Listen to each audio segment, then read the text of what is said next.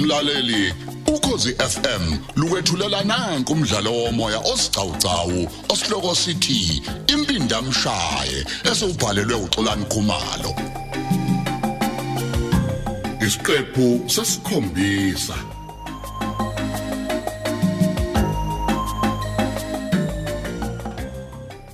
ziyajwayeleka izinguquko engizenzile zendlu hayi ayikho phento esingayenza sipho ngoba sizosebenza la ngithi kodwa-ke nje okusethusile ukuthi kuthiwa wena usuthe uma ngabe ungekho umuntu usezosayina kumesi sintaka sipho hayi manje hayi. ikhona inkinga lapho hawu sipho ubungazi usukele lo liyahlanywa njeyana phela lwasisa kadlani ney'ngane sipho hayi hayi ngeke yazi mhlawumbe ningakuzwanga Hhayi. ukuthi ngiqoke yena ukuba beyisekela E, lawo u- u- uthini useyisekela lakho manje hayi bo Hhayi, Sipho. kwangathi uyathuka nje manje zindlu hayi sipho ngithusa ukuthi nawe usanda kufika nje lana manake uma uthi naye usho ukuthi nami ngisanda kufika ngithi A- Ayi cha kodwa phela sipho kukushelela ulimi nje angisho kanjalo. zindlu kuzofuneka usijwayeze ntombi izinguquko ngiyazi ukuthi kwesinye isikhathi hayi asijwayeleki impela Hayi kanti khulileka kayikho nje inkinga kumina engiyibonayo khulileka sipho.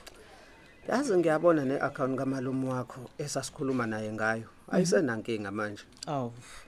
kodwa ke phakathi kwami nawe uyabona ukuthi ngamenzela umusa nomalume wakho ukube ngangithanda ngabe udaba layo le account lusezandleni zama-hawks nje kuyimanje E- Yazi ungasho uqinise ngoba ngiye kumuzwa impela eyincoma nje indlela waliphatha ngayo udaba lakhe yazi.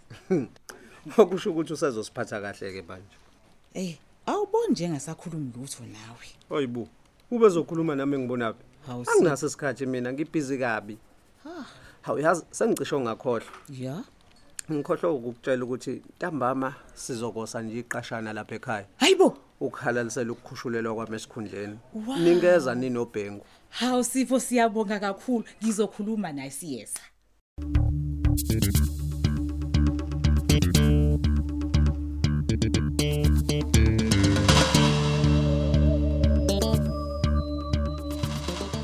awu hey ndoda madoda ngiyajabula ukuthi usofikile ke ndoda madoda sikuqa awu eh ayi uthe umlungu angidlulisa umkhonzo mfuthu ngimkhonzele kuwena Aw mfowethu, ayila ngiyajabula ukuba la kudla. nazo ke Hayi futhi ngihambe kahle kakhulu. Nalapha esikhumulweni seyindiza Yeah. nje emotweni abazange bangihluphe. ehe hayi mfuthu hayi siyathokoza lalela ke mfuthu Yeah, A- a- a- a- angikunike nansi ke mfuthu eh eh, i- i- ingxenye yenkokhelo yakho mfuthu iyo le Oh. Kwangathi siphelele nje.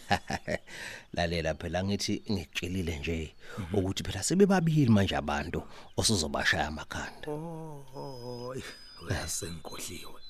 lalela ke mfowethu kuzomele ke uthole ukuzoya ngasethunjini bese siya lapha ke phela mfowethu ukuze eh, uzokwazi ukwenza lo msebenzi eh khona ke ngizokukhombisa kahle yonke into ukuthi uzoyenza kanjani Okay. Ah ngithi semzini wakho umlungu.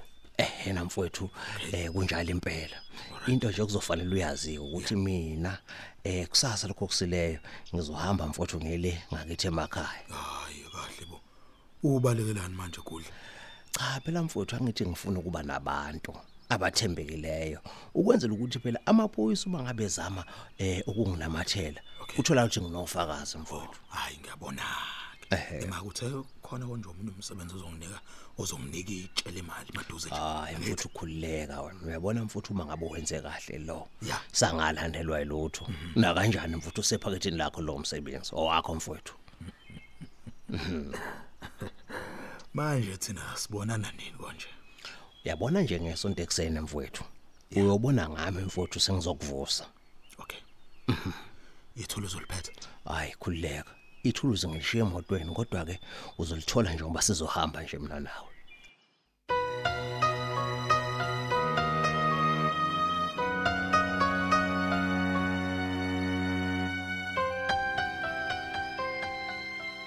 isifikile inkabi zinhle Neme akawushintshi umqondo wokuvakashela.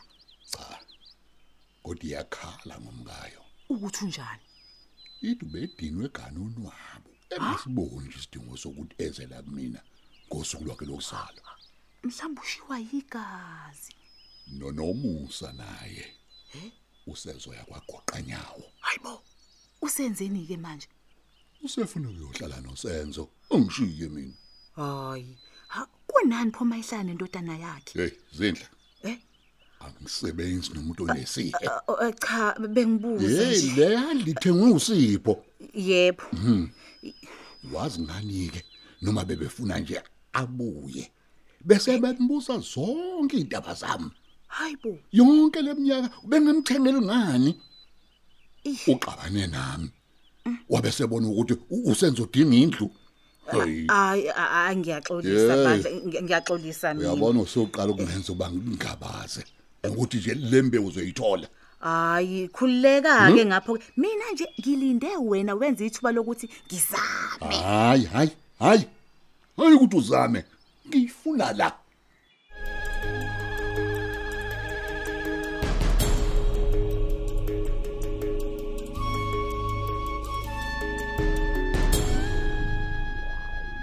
imake iwona umbuzo omlungu lo iwona nkabi wona impela ke nkabi yami lo mzi lona alright eh uyabona ke njengamanje la Yeah. eh sime khona njengamabomo ngoba phela ngifuna ubone iwindi ozodubula kulona kodwa ke alivuli ikhethini ngoba vele uzobona ngaphakathi ngisho ngaphandle hayi Ah, cha umsebenzi olula lo manje ngingena nini kanjani Eh, uyabona ke nkabi yona umsebenzi ozinyama lo ngoba akho umuntu phela ozobefonelana nomunye emsebenzini omkhulu kangaka nokho ke uma ngabe umlungu e- e- engalokho ethi uyakufonela bese amaphoyisa kulandela uyabona ukuthi lokho kungasifaka enkingeni mfowethu kakhulu konje uthe ibhola loqala ngensimbi yeshumi ebusuku angithi kunjalo kunjalo kunjalo mfowethu okay mhlawumbe wento ongayenza Yeah. ukuthi ufike ngehora mhlawumbe lesishiyagalombili ebese uma lapha yamfuthu ngemuva uyabo laphana ya ehe mfowethu uma khona ya uma nje umlungu ezongicishela lo yagesi ngakuhle kakhulu yabona nje uma ngabe kwenzeka umbone esephuma ngemoto Yeah. ubokwazi ukuthi meyobe isiseduze kakhulu mfowethu uyilinde ingene ibisiqala iyazinza angikho yabona Yeah. yabona nje ngalesikhathi lo mfazi lona elokhu etatazele phansi phezulu lokukhuzwayo eyilethela isona sikhathi leso mfowethu uvele mfowethu uzi- uyililise khona lapho mfowethu ikhale mfowethu hayi khuleka nakanjani ngala ngiyabona kanye uyazi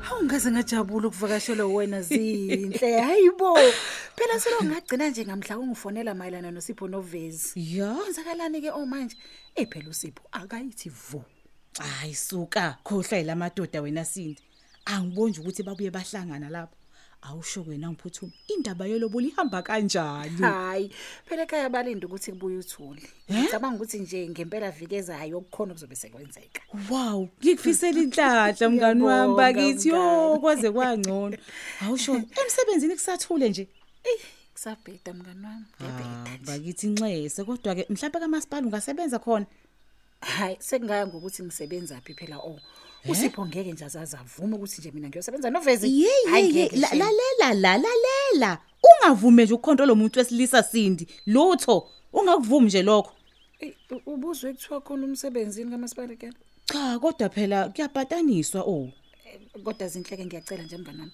ke sithukuma kancane nje ngishade kuqala hleze nje phela ngiyifakela isi- isigcwagcwa kusipho awusho-ke wena kuhamba kanjani nobrigadi yabengu Eh, mhlawumbe usho mayelana nani bongisho mayelana nokuqhubeka nokulobola phela o hawu oh ngicabanga ukuthi indaba yengane ingane injani-ke ingane hayi bo ngamthembisa ingane kodwa manje dololo angiyitholi ima-ke sinizamile kodwa kodokotela hayi bo mina ngaya kodwa yena ubukeka nje emadolonzima nje kulento o ima kwathiwani kuwena I- ngi- ngi- ngifuna ukuthi kwathiwa unayo inzalo kodwa wena hayi bo udokotela wathi akho nkinga kumina yena-ke uthi yini inkinga yakhe-ke hayi suka lo uvela athi nje amaphoyisa ahlale ebhizi nje isikhathi asikho hayi suka hayi kodwa obukeka Hayi. njengomuntu oyithobile nje ubhingo o ubethe usipho uzomcela ukuthi naye abe ingxenye yabakhongi ngiyakutshela phela lalela uma ewumkhoni kusho ukuthi nami ngiyahamba hayi cha mngani wena ubuvele uzohamba nje phela lo Yes. umngani wami ayibo.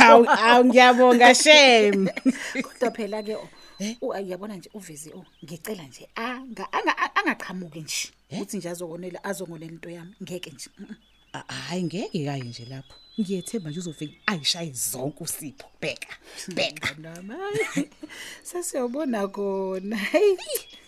Kodwa ke o oh, uyabona ukuziphatha kahle ukuthi kuthele izithelo ke manje Sindi. Nawu ususho ukuyiphatha kahle kanjani ke manje mngani? Hayi bo. Lahla.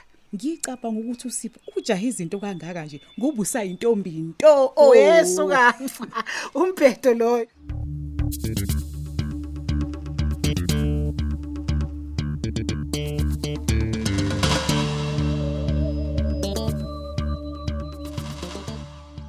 Usuvelaphi ke manje ngoba phela hayi uyabonakala nje ukuthi awuveli nasemsebenzini. Kufanele ukuthi khona lento obhizi ngayo mfowethu. Thina singayazi umsayiphozi. Hayi cha, usungibambile senzo. Hayi vele ukhuluma. Vele khona. Futhi isikhali sami engisilolela uvezi. Hayiwe. Ngathi kuwena senzo, uveze ngifuna ukumehlula kuwo lo mdlalo wakhe. U- Uyakhumbula ngikhuluma ngezinkampani imbombulo? Ya ngiyakhumbula. Yize phela kuyinto engingazange ngiyinake leyo ngoba angiyazi nokuthi isho ukuthini. Ya, mhlawumbe isho izinto ezahlukene kubantu abahlukene. Eh. Kodwa lezi engikhuluma ngazo mina, ngisho izinkampani abantu ezibiza bona, kodwa bengazilutho ngazo. Hayi. Zinamathenda kamasipala futhi, akhokha imali ebovu, kodwa bona baphile nje ngokuphiwa. Futhi yazi uthola ukuthi iningi lalabo bantu lizibhuquzele tshwale nje lemakhaya. Wena msaphi uyazubuya umthithi. Wena ngoba uhlala lana nje ukwazi kanjani ke lokho? Futhi iphume kanjani imali ebhange ngoba phela amathenda wakho ukucash. Hey, laba bantu abenza lento basuke benabantu ngaphakathi emabhangi ababavulela lama account. Hey madod. Futhi imali ke phela ayikhishwe ebhange ngaphakathi kuphela. Ya ngiyakwazi lokho. Kodwa a- a- awuyeli phela ukukhipha imali kuphela ebhange. Ya. Mangikhulume ngalena ke engikade ngiyofuna umnikazi wayo. Ya ngilalela mfowethu. Ngiye nenamba ye-ID yenye ikhampani ebengiyisola ngoba ngibona indlela nje imali yayo esheshe ikhokhwe ngayo ngumasipala nyanga zonke cabanga. Ya. Ngithathile lo ID ngaya kwa Home Affairs ngiyobheka ukuthi lithini ikheli lale namba ye-ID. Bakuvezela kodwa. Hawu, banginikeza. Eh. Yazi ngithola ukuthi indawo nje esemakhaya. Ayi kahle sipho. Ngibe sengiya khona. Ngafike ngabona induna yesigodi engisizileke nayo sahamba sayobheka umnikazi we-ID. Ya. Esimfice nje hayi ezibhuquzela esiqatheni nje. Ngavele ngabona ukuthi ya lowa akazilutho ngaleli business elikhokha imali engaka. Hey madod. Uma sasixoxa kayi kwatholakala ukuthi kanti ungumalume kazindle. Hayi E, imake. Uzinhle yena lo lo lo e- esimaziyo. Yena impela. Eh maye maye mamsayiphozi. U- Usho ukuthi lo muntu omfica ebhuquziswa utshwala u- u- umfobo kavezi. Yazi Usungidleka mfowethu. akukho umuntu omaziyo uvezi lapha. Hayi bo. Usobala ukuthi uzinhle wathatha nje le ya ID Yeah. wayinikeza uvezi kwa register ikhampani yanikwa amathenda kamasipala. Akho ke bovu imali le. Hayi hayi isangidida yonke lento. Phuma nje avulwa kanjani ke ama account ebhange? Hawu, kusobala phela ukuthi yavulwa nguye uzinhle yanikezwa amathenda nguye uvezi. Kodwa kodwa uveza kaseyona imanager kamasipala nje. Hayibo, kusobala futhi ukuthi naye imanager leyo yayisephaketheni lakhe uvezi kushuthi. Alright ngiyakuzwa bafa manje a- ake usho ke la. Uzoya emaphoyiseni kodwa. Hayi kwamanje. Kodwa ngeke baphinde bathole ngisho isenti kule yamali. Kusukela nje kupheleni kwalenyanga. K- Khuluma phela mfethu, khuluma into ephelele ukuthi uzokwenza kanjani konke lokho. Ngicha- Ngichazele bafu. Ngikhulumile nenduna ukuthi mayenze isiqiniseko sokuthi ngomgqibelo lowamuntu uphile saka. Ngizoya khona ngifike ngikhulume naye. Uma sivumelana athathe ke iID yakhe sambe siyoshintsha iaccount Yeah. yokusayina athole futhi ikhadi elisha. Oh yeah. Laba bothi befika nekhadi abatransfera ngalo imali yakhe livele licwile. Hey hey hey. Usho ukuthi kusawuvezi wonke lo bafu. Akuzwa. Yimadoda. Akubuzwa. Hey manje manje uzombuza uzinhle ngayo yonke lento. Hayi, ngeke ngithi vu. Futhi ngoba vele lo malume wakhe inkampani inomsebenzi. So, ngizomfunela nje abantu bamsize kulomsebenzi wakhe. Eh, hayi yabona ke makunje ake ngithi nje asha amadama namanzi kusho ukuthi yikho nje uveza amthengele izimoto ezinje uzinhle hey madoda Ya. mana ke uyayikhumbula le ntombazane esasisebenza nayo eyashona engozini yemoto U- u- uzethu uzethu ngiyakhumbula noma phela ngingayazi nje kahle Eh, yini uyibuzelani ngiyasola ukuthi uveze nozinhle ikhona into abayaziyo ya mayelana nani malana nokufa kwayo msayipho mfethu ukukhuluma into ephelele usoliswa yini zonke lezi zinkampani engizibiza ngezinkampani imbumbulo ikhodi yayo le ntombazane eyayisetshenziswa ukuvula ama-akhawunti azo ufuna ukuthi lama account avulwa yiyona cha kodwa ngisola uzinhle esebenzisa ikhodi yakho zethu hayi ongithi unayo nje yakhe ikhodi yebo unayo kodwa wayengeke phela ayisebenzise umenza le nkohlakalo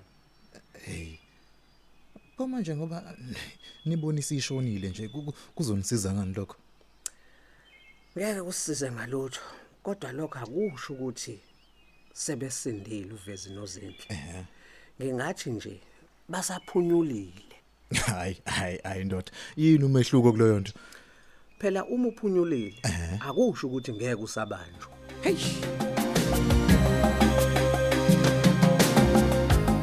Asubambe lapho ke umdlalo wethu omoya osihloko sithi impindamshaye olethelwa ukozi FM.